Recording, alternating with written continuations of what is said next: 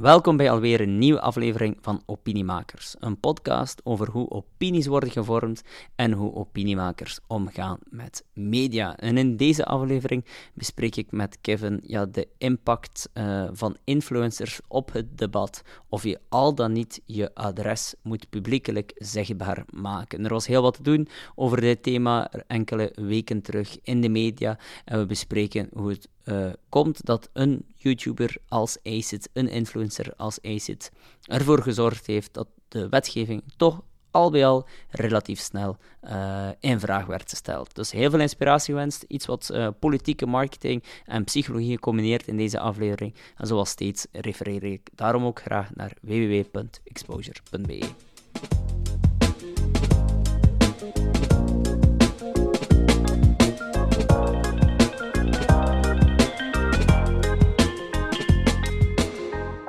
Uh, ik zou het me niet meegeven, maar ondanks dat ik de 30 al gepasseerd ben, kijk ik regelmatig naar, uh, nog naar het uh, YouTube-kanaal van, van ACID. En onlangs zag ik een video passeren over ja, het feit dat de overheid of ja, bepaalde wetten eisen dat, dat influencers hun, hun privégegevens kenbaar maken op hun website en zo. Maar aangezien dat influencers mensen zijn die wel veel voor- en tegenstanders hebben, kan dat wel gevaarlijk uitdraaien als ze hun ja, thuisadres er gaan moeten opzetten. Denk dan maar aan jonge meisjes van 16 jaar of zo, die dan hun adres online zetten en ja, weet ik veel welke stalkers kunnen aantrekken. Maar nu, in een vervolgvideo, ja, heeft hij, zei dat hij contact gehad heeft met verschillende politici. En echt, ja, ik denk redelijk uh, ja, belangrijke politici, die, die zich ook achter zijn zaak hebben ja, gezet. Allee, hem, hem, hem echt steunen daarin. Uh, in hoeverre speelt het aantal volgers dat hij heeft op YouTube mee in, in ja, het feit dat die politici zich erin gaan moeien? Ja, wel, uh, ik denk dat dat cruciaal is. Uh, ja. Nu, maar uiteindelijk zou hij ook nooit een brief hebben gekregen, moest hij maar twee volgers en en, uh, en, mm -hmm.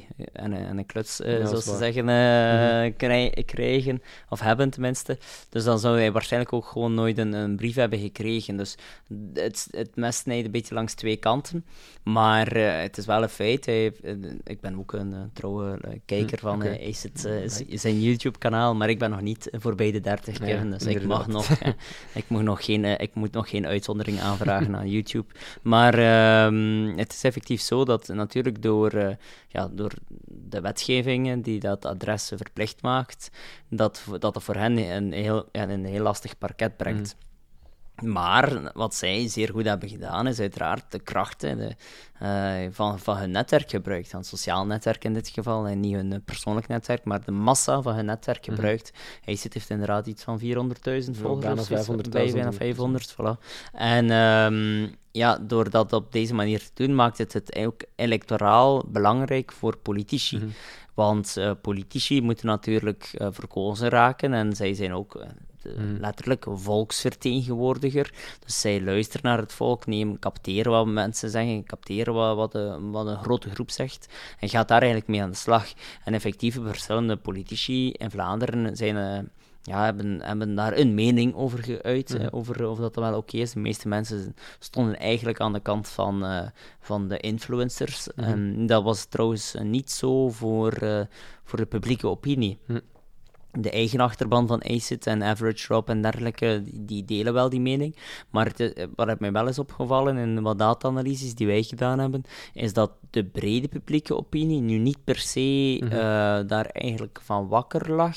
Nog dat ze dat nu heel hard vonden dat het uh, noodzakelijk was dat dat uh, zou veranderen in die wetgeving. Mm -hmm. Maar natuurlijk, het voordeel aan influencers is dat zij wel een zeer trouw uh, publiek hebben. Dus um, een bepaald publiek die ook te engageren is om, om iets ja, met de informatie die ze krijgen ook te doen. En dat maakt het voor politici heel interessant. Enerzijds natuurlijk de, de trouwe achterban, die dus niet één keer kijkt puur uit uh, sensatie, maar ook de massale achterban, mm. de grootte van de achterban. En dat is dus iets, uh, ja, als je daar een stukje kan in positioneren als politicus of politica, dan heb je wel een mooie, ja, mooi extra bereik gegenereerd. Ja, ook, als, ook als die achterban voor een groot deel minderjarig is, zoals bij Ace het geval is. Ja, dat weet ik niet of dat bij het zo uh, is. Uh, want wij zijn nu alle twee. Ja, ja, Celine Michiel is denk ik iets anders. Maar wij zijn nu bijvoorbeeld. Jij bent al voorbij de 30. Mm -hmm. jij neigt al naar het stok oude. Mm -hmm. ik ben bijna 30. dus wij zijn alle twee, denk ik, net uh, iets ouder dan meerderjarig. Dus uh, wij kijken er uiteindelijk ook naar.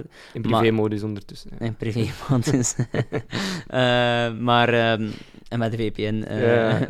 nee, nee. Maar dus speelt dat een rol? Goh, op zich nu in zit zijn, zijn situatie niet echt, omdat uh, hij inderdaad een breder publiek mhm. bereikt dan enkel tieners. Uh, moest dat nu echt een niche publiek zijn met enkel tieners, dan zou de afweging voor politici misschien iets meer denkwerk vergen, maar ik denk dat het nog altijd, alleen mijn aanvoelen en de samenwerking die ik heb met politici, is dat de kans heel groot is dat er nog altijd reacties op komen. Mm. Want uiteindelijk, zij, zij hebben ook ouders en uh, het, is, het is ook nog altijd een, uh, een kanaal om meer en extra, om het een, de, de, hele mooie woorden te zeggen, extra exposure te genereren. Mm.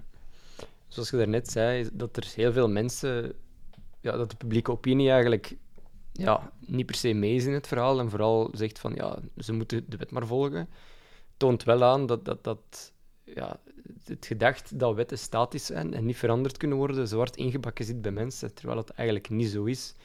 Wetten zijn eigenlijk onderhevig aan, aan de evoluties binnen de samenleving en, en ja, de, de mensen in het algemeen.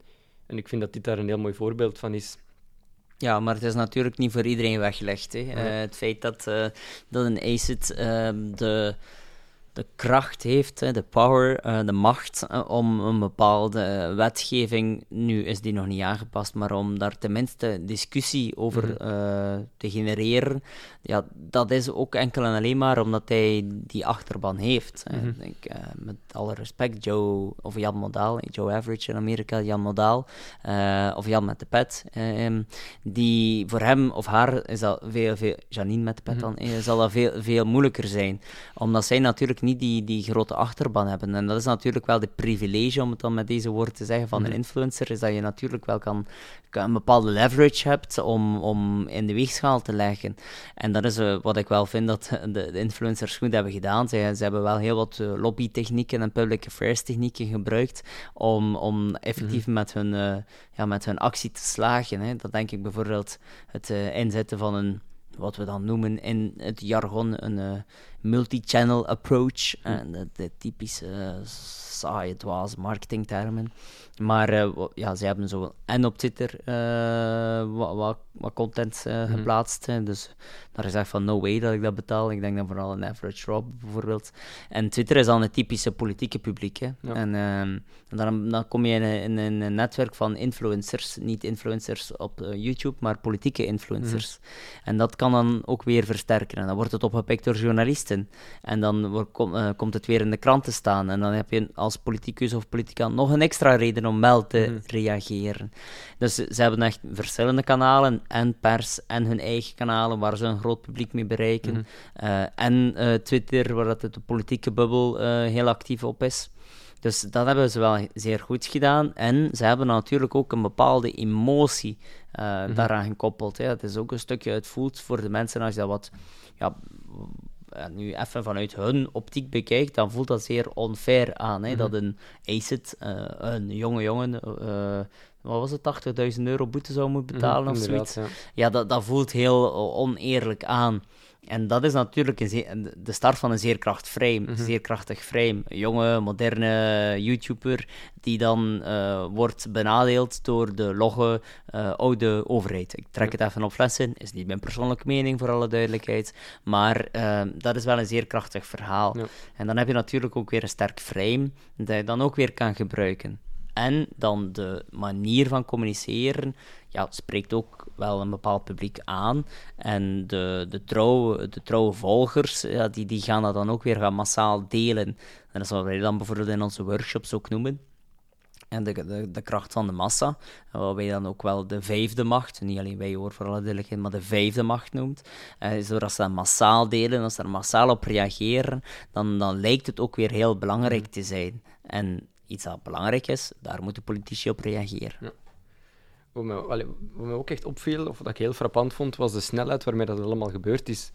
Want de eerste video dat Acid gepost had, daarin zei dat hij, vanaf dat hij een brief gekregen had, nog twee weken had om, om zijn gegevens openbaar te maken, of dat hij een boete moest betalen. En twee, drie dagen later stond er een nieuwe video online waarin dat hij zegt dat hij contact gehad heeft met politici en dat hij uitstel gekregen heeft en dat ze die wet aan het bekijken zijn en zo. En dat is wel indrukwekkend eigenlijk, hoe snel dat het allemaal kan lopen. Ja, dat is uh, opnieuw, uh, het kan in de politiek zeer traag gaan, hm. maar het kan in de politiek ook zeer snel gaan. Hm. En ja, daar, daar hangt het weer, ja, het is, het is cru om te zeggen, maar hangt heel vaak af van uh, de waan van de dag. Ja, daar hangt heel hard af vaak van welke politici reageren. Um, ja, en, en dergelijke fase. Wie uh, is het slachtoffer of wie is de oorzaak? Dus nemen media het op, journalisten nemen zij het op. Dus het is, ja, het is een...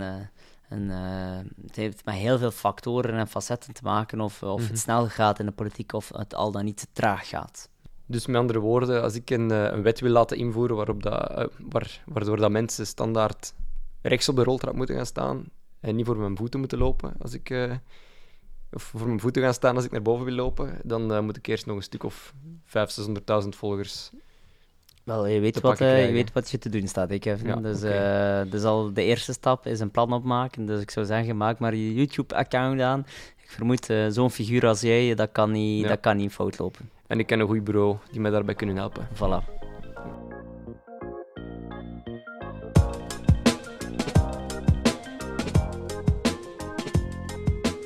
Wens je meer informatie over politieke marketing of zaken als nudging en beïnvloeding, dan refereer ik graag naar www.exposure.be. Daar vind je meer informatie, maar je vindt ook e-books en webinars.